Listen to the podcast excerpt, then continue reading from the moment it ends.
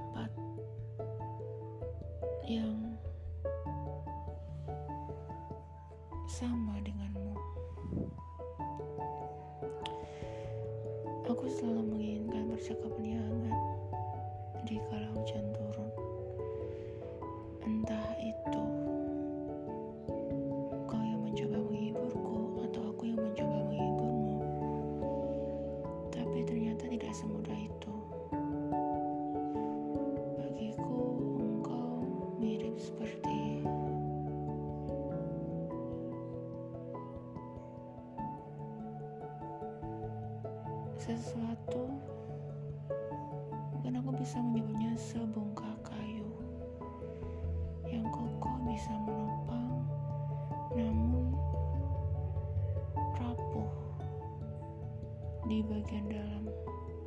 Ketika rayap menggerogotinya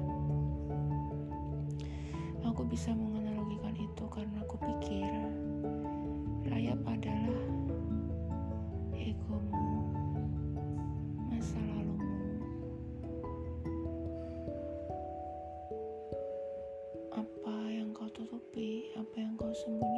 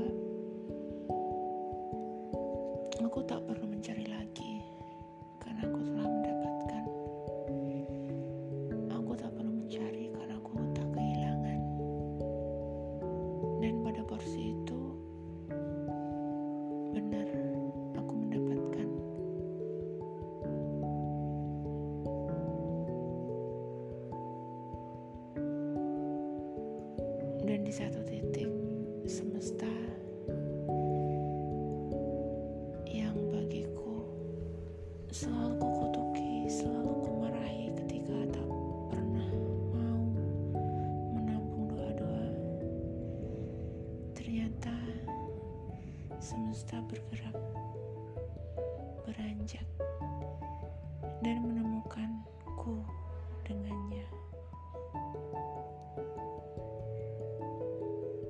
Sesederhana itu ternyata untuk bisa menerima.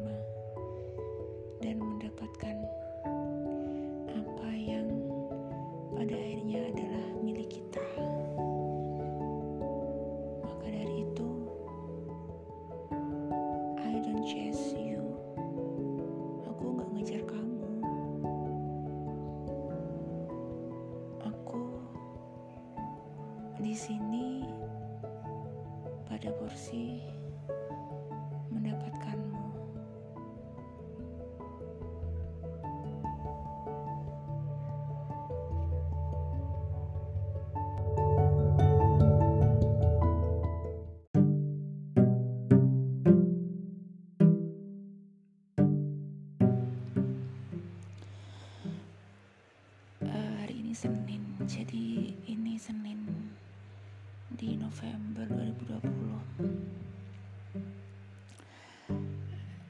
ada perasaan lega sih ketika ngobrol sama teman kayak gitu. Ada perasaan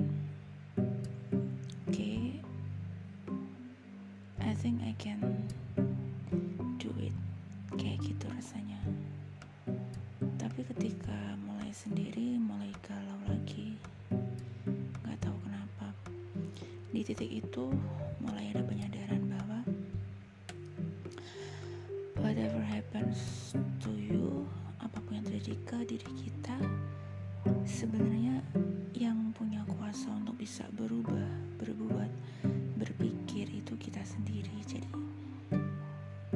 everything is under control. Artinya sebenarnya semuanya tuh sesuai dengan kita.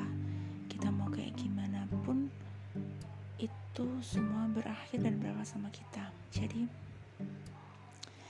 pengganggu eksternal kegalauan eksternal itu sebenarnya nothing uh, apa ya istilahnya? There's no business at all. Artinya nggak ada yang bisa sebenarnya membuat atau mengganggu hidup kita kalau kita nggak membiarkan mereka masuk. So don't let them to pass to your heart and to your mind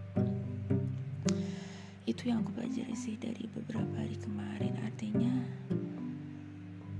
yang kemarin aku rasa memang aku stuck banget di dalam personality relationship atau ibaratnya hubungan antar dua orang yang I don't know I don't know whether it will lead us to marriage or not. Tapi kurasa diujinya di situ kesabaranku diuji di situ untuk bisa melewatinya untuk bisa keep through these obstacles and pass away those apa ya aku bilangnya ujian tuh apa ya? Semacam ujian ujian pendebasan dan peningkatan kapabilitas diri. Jadi sebenarnya kalau seperti itu adalah tantangan dia dia nggak berarti something bad to us. Artinya dia nggak menjadi sesuatu yang buruk ke kita. Dia hanya menjadi penghalang tantangan dia tembok yang harus dilalui dia sesuatu yang harus dipupuk yang harus dirawat yang harus diperhatikan. Tapi dia bukan sesuatu yang truly uh, black hole yang artinya kita bisa masuk tapi nggak bisa keluar it's not black hole at all. Artinya justru kalau kita terlarut dalam hal seperti itu itu akan jadi black hole ke kita. Tapi sebenarnya dia tuh nggak black hole. Dia adalah sebuah taruhlah kalau kita jalan ada kerikil. Nah itu kerikil tuh dia. Apa kita akan menyimpannya melewatinya menginjaknya atau kita membuat kerikil yang membuat kita terluka itu jadi penghias taman-taman kita gitu. Jadi ibarat kerikil yang kecil-kecil tadi itu kan kan ada nih yang dijual kayak gitu. Nah itu semua tergantung sama kita memperlakukan kerikil tadi. Buktinya kerikil kecil dan besar pun dia tetap berlaku dan dia tetap berguna untuk menghias taman to the beautiful to the decorations installations like that.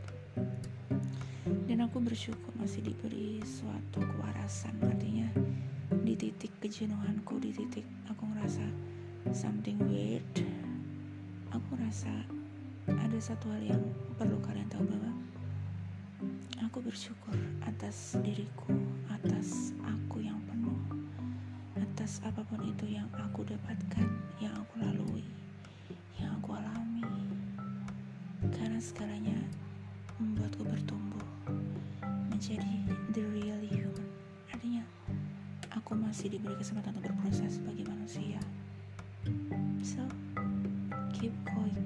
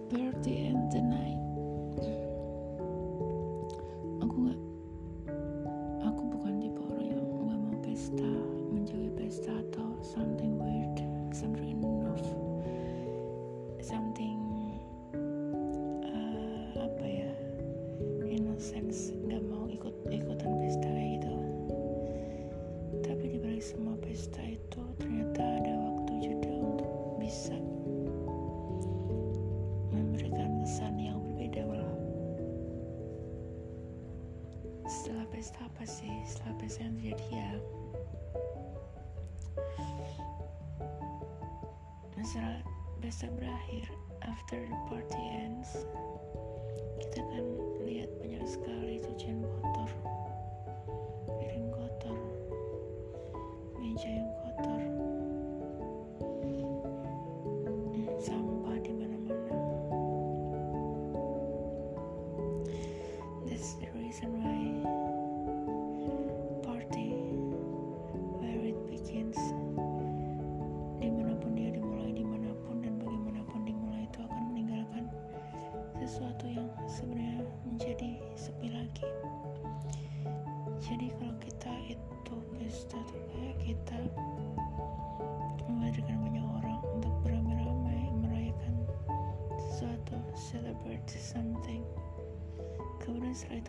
maka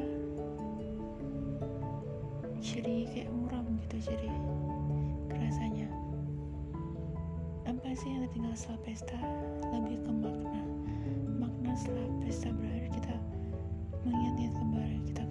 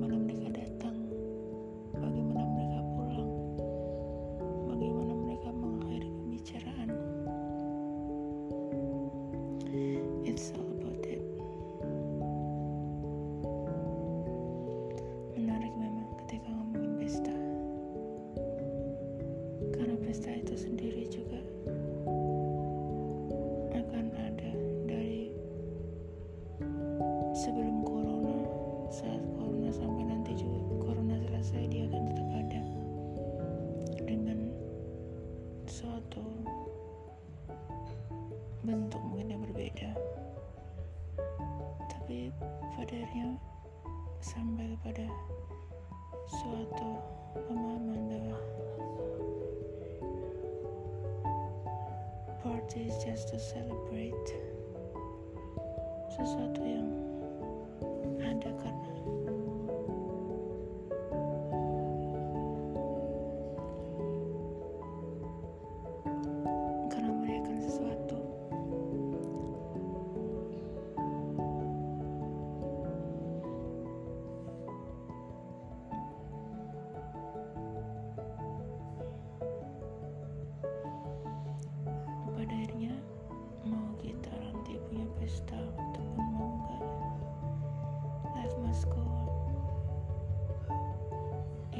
terus berjalan tanpa kita.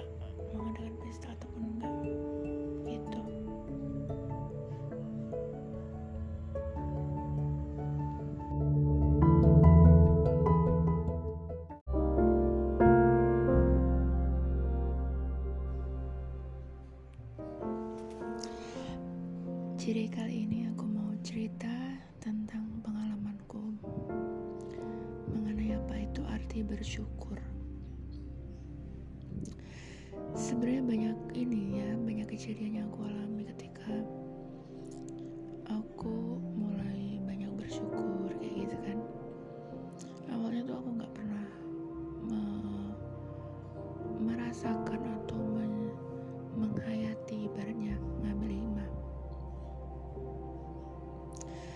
Aku biarkan aku tuh kerja. Ya kerja terus.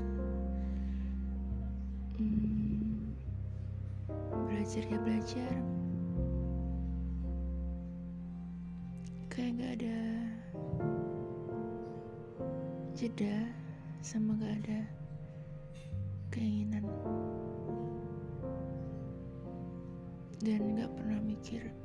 harus bersyukur menyediakan waktu untuk bilang bapak terima kasih Tuhan terima kasih. Tapi ya itu di suatu saat di suatu masa gitu baru sih tahun ini ada yang memberitahu ada yang me, me istilahnya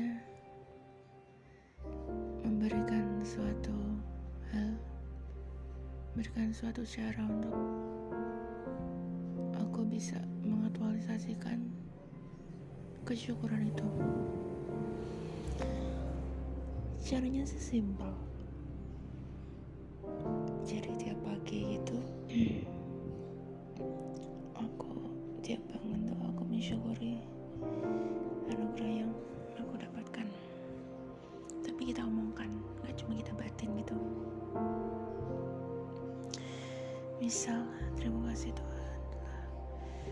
kasih Tuhan aku telah bisa menikmati hidup pagi ini dalam keadaan sehat tanpa kurang suatu apa pun.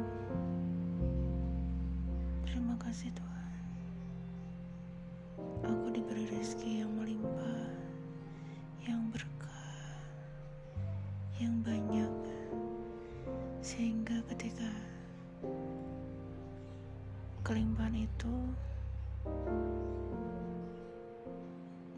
bisa gunakan untuk diriku sendiri juga. Itu menyebar ke banyak orang. Terima kasih Tuhan. Engkau memberikan kelimpahan kepadaku. Memberikan surplus lah ibaratnya.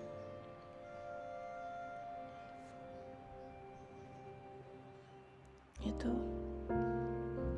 aku coba. Waktu itu hampir berapa ya semingguan aku seperti itu. Mensyukuri 10 anugerah atau nikmat yang kita terima sambil mensyukuri dan mengintrospeksi. Atau mengevaluasi apa yang udah aku lakukan misal. Ya Tuhan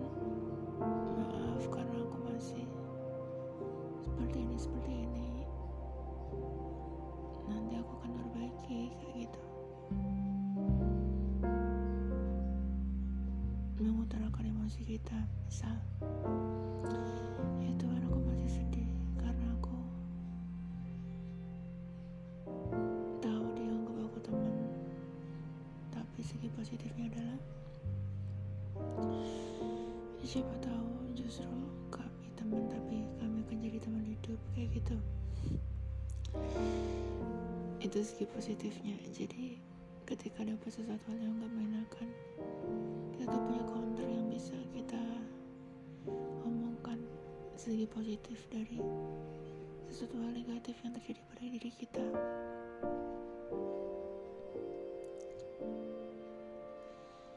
Terima kasih Tuhan. Terima kasih. Terima kasih atas segala rezeki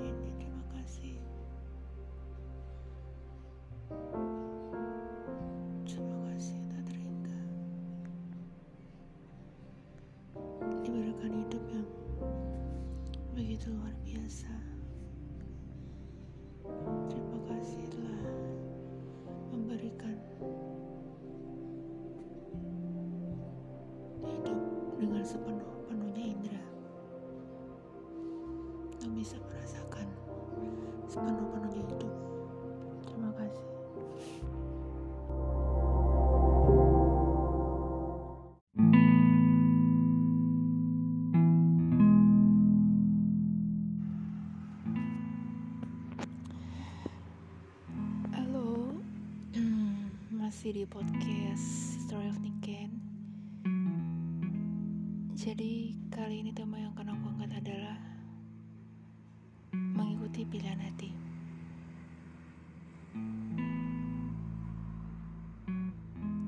Pasti pada bertanya-tanya, kenapa mengikuti pilihan hati, nggak pilihan otak, pilihan logika, pilihan orang tua, atau pilihan orang lain?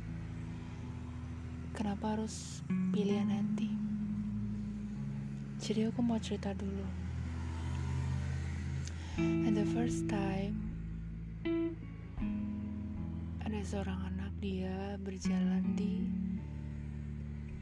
dermaga. Jadi waktu itu anginnya masih sepoi-sepoi nih. Cerah gitu kan langitnya. Di sisi sebelah kiri itu masih ada kapal-kapal yang belum berlabuh. Kanan juga ada para penjual ikan dan para nelayan yang dia masih lalu lalang kayak gitu. Suatu saat anak kecil itu berjalan tanpa ditemani siapa pun karena dia emang lagi main gitu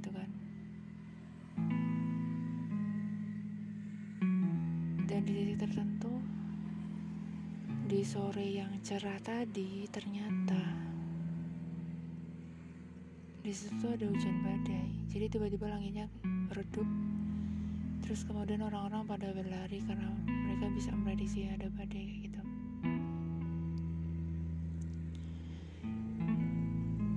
Tentunya itu harus milih kan. Apakah dia akan tetap di dermaga atau dia pulang untuk kembali ke rumahnya yang hangat pesisir tapi agak jauh dari dermaga tersebut.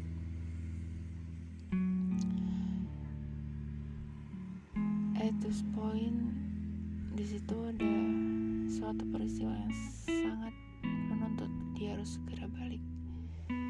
Tapi di satu sisi dia ingin dan masih pengen menikmati yang namanya langit yang cerah. Dan itu semua adalah pilihan ketika langit gak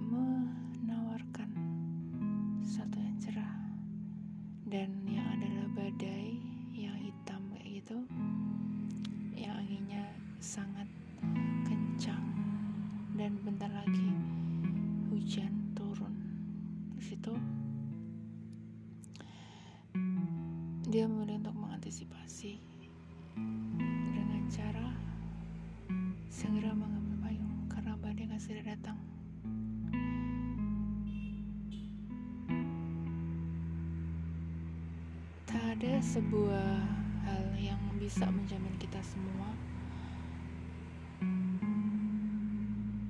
akan bisa selamat dari badai karena memang itu juga tergantung sama besar kecilnya badai. Tapi ada satu titik di mana kita tuh bisa memilih untuk bisa mengantisipasi semua hal yang terjadi pada kita. About everything that happens to us, semua kejadian yang pernah terjadi ke kita, itu kita bisa menetralisir, kita bisa memilihnya, memilih untuk kita bisa segera bersiap-siap, bersiap siaga, kita bisa prepare everything, kita bisa mempersiapkan segala hal untuk kita bisa berpetualang, untuk kita bisa mencari tempat yang baru, untuk mencari rumah yang baru seperti itu. Or we can choose to be someone which doesn't change anything. Atau kita memilih menjadi anak kecil yang membiarkan badai itu datang ke dia. Padahal dia sudah tahu kalau bentar lagi badai akan datang dan badai besar tentunya nggak cuman anginnya yang kencang tapi dia pasti membawa hujan yang sangat dan di situ dia. Aku gak bisa bilang kalau dia pun cuman punya satu pilihan. Dia bisa memilih. Dia bisa memilih jalan mana yang paling terbaik untuk dia. Karena dia bisa saja menantang gitu kan menantang badai. Dan itu terjadi. Itu adalah pilihan dia